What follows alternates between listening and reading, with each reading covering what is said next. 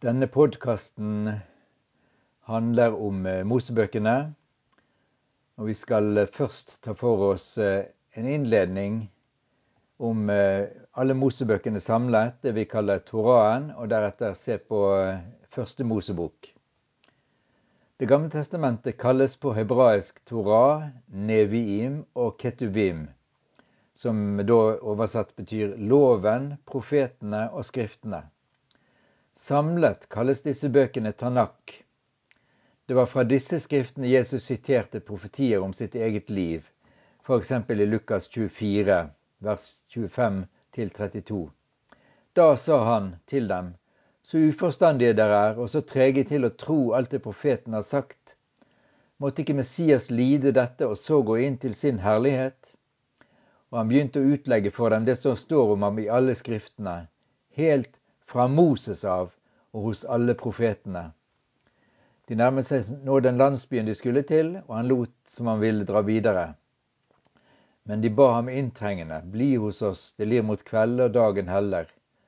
Da gikk han inn med dem og ble hos dem. Og mens han satte bords med dem, tok han brødet, bar takkebønnen og brøt dem og ga dem. Da ble øynene deres åpnet, så de kjente ham igjen, men han ble usynlig for dem. De sa til hverandre, brant ikke hjertet i oss da han talte til oss på veien og åpnet Skriftene for oss?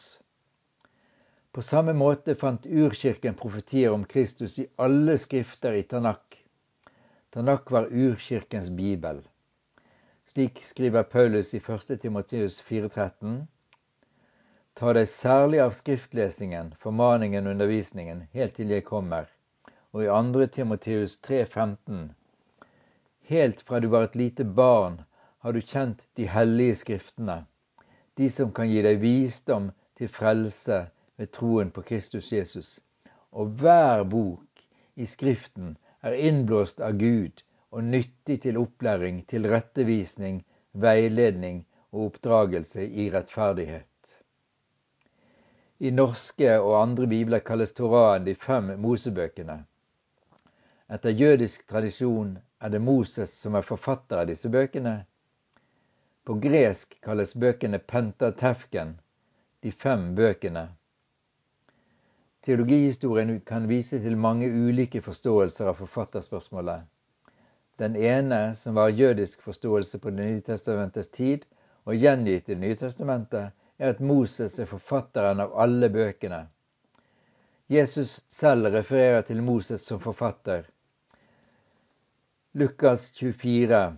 Da sa han til dem, så uforstandige dere og så trege til å tro alt det profeten har sagt, måtte ikke Messias lide dette og gå inn til sin herlighet? Og han begynte å utlegge for dem det som står om ham i alle skriftene, helt fra Moses av og hos alle profetene.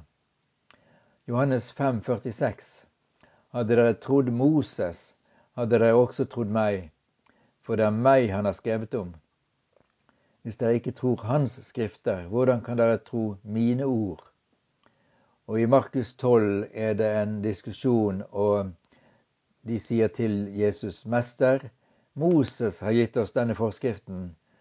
Om en mann har en bror som dør og etterlater seg en kone, men ingen barn, da skal han gifte seg med enken for å holde brorens ett oppe. Og så um, svarer Jesus, men at de døde står opp. Har dere ikke lest om det i Mosebøken, i fortellingen om tornebusken? Gud talte til Moses og sa, jeg er Abrahams Gud og Isaks Gud og Jakobs Gud.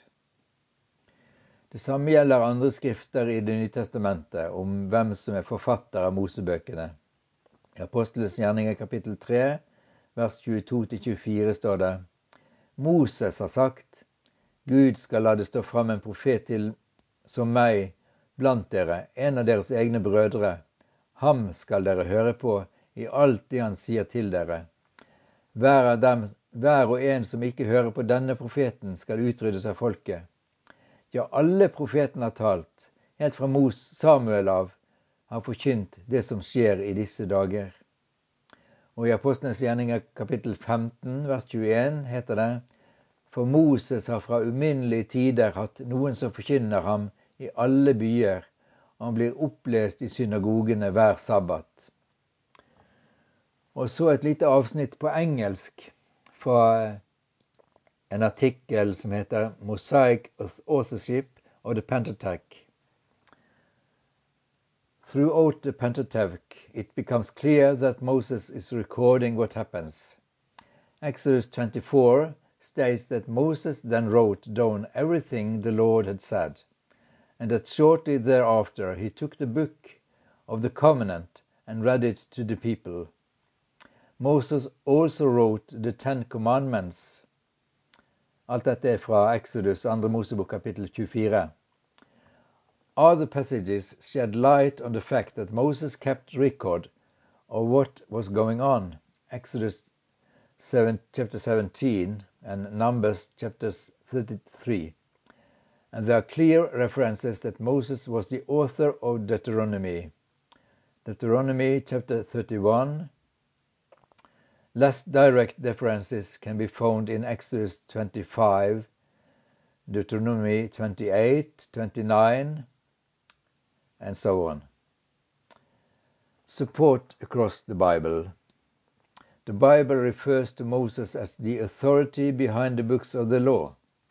The books are referred to as the Book of Moses five times, the Law of Moses 22 times, the Book of the Law of Moses four times, the Word of the Law by Moses, and the contents of the books are attributed to Moses over 32 times, both in Old Testament and in New Testament. Jesus, Paul, and Philip all attest to Moses' writing. Vil du lese mer om de ulike teoriene om forfatterskap, anbefales illustrert norsk bibelleksikon. Forfatterne her har et konservativt bibelsyn. Det finnes selvsagt en mengde litteratur om Mosebøkene og deres forfatterskap, men mye av det vi finner i leksika, er dessverre liberalteologisk preget. En av de mest utbredte teoriene sier at Mosebøkene har fire hovedkilder som blitt sammenføyd i det som benevnes Toraen på norsk, på norsk loven. Forkortet JEDP, som står for javisten, elohisten, deuteronomisten og presteskriftet. Ifølge denne tenkningen hører avsnittene i Toraen der gudsnavnet Javé er brukt, til javisten. Avsnittet der gudsnavnet Elohim eller El er brukt, tilhører elohisten. Presteskriftet er tredje Mosebok. Femte Mosebok, som den greske oversettelsen av Toraen heter Defteromium, hører til defteronomisten. Les mer om dette i illustrert norsk bibelleksikon. To deler av Toraen som mange finner neppe kan tilskrives Moses sitt forfatterskap, er omtalen av urhistorien og Moses' død, altså hver ende av Toraen. Så til bøkenes navn. Den første boken i Toraen heter på hebraisk Bereshit. Det gjengir bokens første ord i begynnelsen. Den greske oversettelsen, Septuaginta, eh, kalles Genesis, som da betyr i begynnelsen. Andre Mosebok heter på hebraisk Shemot, som betyr navnene, nemlig navnene på Israels sønner. I Septuaginta heter boken Exodus, som i samsvar med bokens hovedinnhold utgangen fra Egypt. Tredje Mosebok heter på hebraisk Vayikra, som betyr Gud kalte på eller ropte på Moses. I Semtuaginta heter den Levitikus, eller Levitikon, etter bokens hovedinnhold, lovgivningen. Fjerde Mosebok heter på hebraisk Bø Midvar, også det etter bokens hovedinnhold, folkets vandring i ørkenen. I Septuaginter heter den Arithmoi, på engelsk Numbers, etter antallet i hver stamme, slik det første kapittelet forteller om. Femte Mosebok heter på hebraisk devarim, som betyr ordene, nemlig dette er de ord som Moses talte til hele Israel. I Septuaginta heter boken Deuteronomium, som betyr loven gjentas for andre gang. På engelsk heter den Deuteronomy. Så mer spesifikt om eh, første Mosebok, altså Bereshit eller Genesis. Innholdsmessig kan vi oppsummere første Mosebok slik. Den første delen, kapittel 11-12, handler om urhistorien. Her finner vi omtalen av skapelsen, kapittel 1-2, syndefallet, kapittel 3, kapittel 3 eh, Adam og Eva og deres ett, kapittel 4-5, Vannflommen kapittel 6-8. Og her er det da om menneskeheten som forderves. Det er om Noah og arken, og det er om flommen. I kapittel 9, 1-17 får vi Noah-pakten. Og fra kapittel 9 og ut kapittel 10 så står det om folkenes slekter, nemlig Sem, Kam og Jafet. Og i kapittel 11 første delen står det om Babels tårn. Og i siste delen av kapittel 11 står det om Sems ett. Den andre hoveddelen er kapittel 12 til 50, og det er det vi kaller patriarkhistorien, eller fedrehistorien. Kapittel 12-25 er om Abraham og Sara. Kapittel 21-35 er om Isak og Rebekka kapittel 25-49 er om Jakob og alle Jakobs sønner. Og den siste delen, kapittel 37-50, handler om Josef. Vi siterer litt fra Illustrert norsk bibelleksikon om Første Mosebok. Første Mosebok faller naturlig i to deler, to hoveddeler. Det er menneskehetens urhistorie kapittel 1-11 og patriarkhistorien kapittel 12-50. Urhistorien samler seg om de fire store begivenhetene skapelsen, syndefallet, syndfloden og språkforvirringen ved Babels tårn. Altså skapelsen, syndefallet, syndfloden og språkforvirringen. Patriarkhistorien handler først og fremst om de fire hovedpersonene Abraham, Isak, Jakob og Josef. I patriarkhistorien vil naturlig nok beretningen om de fire hovedpersonene overlappe hverandre. Med Abraham begynner historien om Israel. Tiden mellom Adam og Kristus faller altså i to avsnitt. Først tiden da Gud handlet med menneskeheten som et hele. Så tiden da han arbeidet med Israels folk og forberedte Messias komme. Første Mosebok omhandler de to første paktene som Gud inngikk med mennesker. Noah-pakten og Abrahamspakten. Videre er boken profetier om Kristus eller Messias.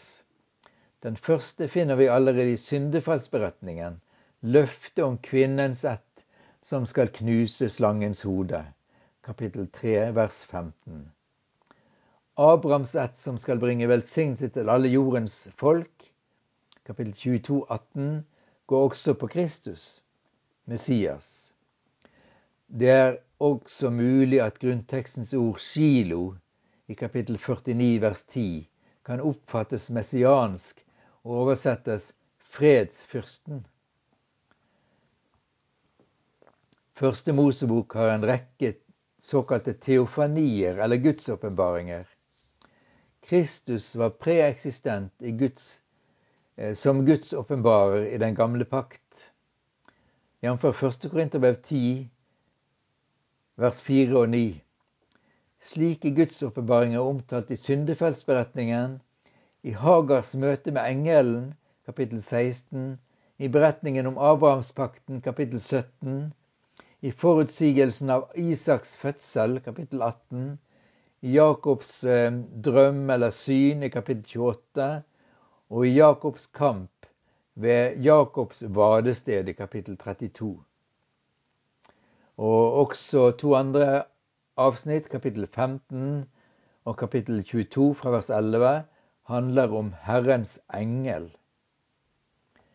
En rekke personer i første Mosebok oppfattes som forbilder på Kristus. Det er Abraham, Adam, slektens stamforhode, jf. Rombrevet kapittel 5. Det er Melkisedek, konge og prest, som det står om i Hebreabrevet kapittel 7. Det er Isak, som er løftesønnen, offerlammet og brudgommen. Og det er Josef, han som eh, er lidelsens og opphøyelsens mann. Og det er Juda, stedfortrederen og bogsmannen, som det står også om i kapittel 7 i brevbrevet. Også en rekke gjenstander, begivenheter og institusjoner som er omtalt i første Mosebok, kan tolkes som profetier om Messias.